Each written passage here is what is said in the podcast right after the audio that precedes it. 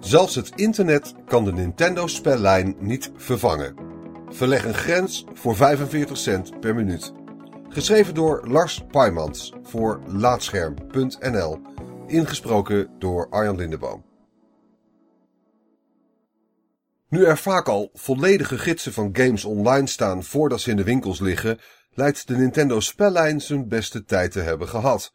Toch vervullen de speladviseurs van Nintendo nog steeds een onmisbare rol in de gamewereld. Met een bloknoot en pen in de aanslag pak ik de hoorn van de haak. De tv bromt op de achtergrond terwijl de menumuziek van Super Smash Bros. zachtjes doorspeelt. Een beetje spannend is het wel, zo'n officiële Nintendo speladviseur aan de lijn krijgen.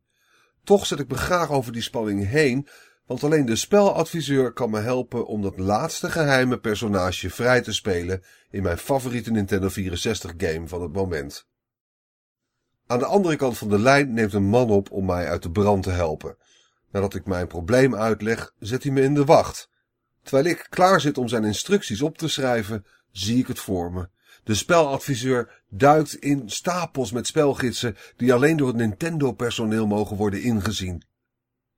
Als hij terugkeert, loost hij me binnen een minuut of vijf stap voor stap door het proces heen. Na driftig te hebben meegeschreven, hang ik op en sprint ik hals over kop met het papiertje naar mijn controller. Een paar uur later is Mr. Game Watch ontgrendeld en mijn verzameling personages compleet. Anno 2017 had ik dit probleem ongetwijfeld met een simpele Google zoekopdracht opgelost.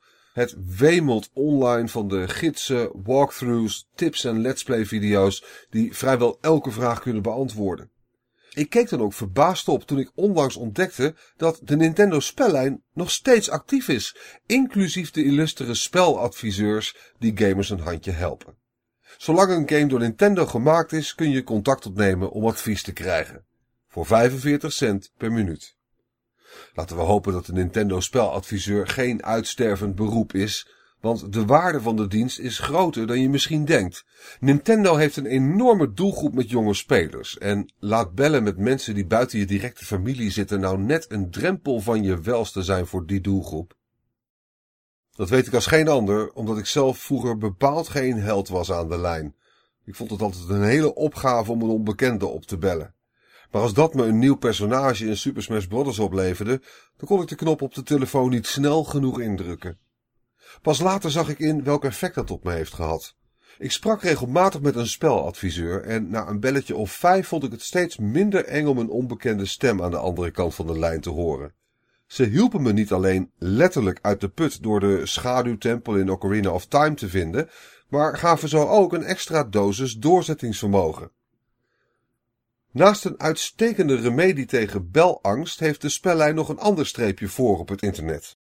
Hoewel het bellen van de helpdesk misschien ook een vorm van vals spelen is, vond ik de voldoening een stuk groter dan wanneer ik nu online antwoorden vind op mijn gamevragen. Destijds voelde het vrijspelen van Mr. Game Watch zelfs nog extra bijzonder. Niet alleen had ik de moeite genomen om Nintendo te bellen, ik moest daarna ook nog aan de slag om de instructies zelf uit te voeren. Hoewel de spellijn zichzelf meerdere malen had bewezen, liet ik de adviseurs links liggen toen ik ouder werd. Ik kreeg gemakkelijker toegang tot het internet en kon op ieder moment van de dag dingen opzoeken. De spellijn is echter nooit weggegaan. Toen ik onlangs voor het eerst in jaren weer belde, werd ik naar een vrolijk wachtmuziekje weer netjes begroet door een Nintendo-adviseur. Het valt me wel op hoe mijn belangst van vroeger heeft plaatsgemaakt voor een nieuw soort ongemak. Ik voel me oud. Met mijn 25 jaar trek ik ongetwijfeld de gemiddelde leeftijd van bellers behoorlijk omhoog. Dat de spelhulp die ik aan de lijn krijg jonger klinkt dan ik, helpt hier niet aan mee. Ineens zie ik mezelf als een soort oude man die zijn computerspelletje niet meer snapt en de fabrikant belt voor hulp. Misschien moet ik de wijze adviseurs van de spellijn maar weer gaan raadplegen, want dat gevoel zal met de leeftijd alleen maar erger worden. Maar tot die tijd is er altijd nog het internet, en dat lijkt zelfs Nintendo te snappen. Sorry, maar de enige persoon die dat weet is er momenteel niet, antwoordt de adviseur als ik een vraag stel over Zelda Breath of the Wild. Je begrijpt vast dat ik onmogelijk alle games kan spelen, dus ik denk dat ik je helaas teleur moet stellen.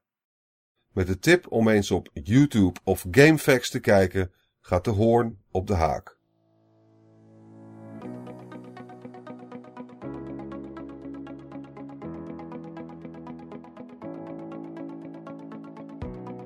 Dankjewel voor het luisteren naar Laatscherm voorgelezen.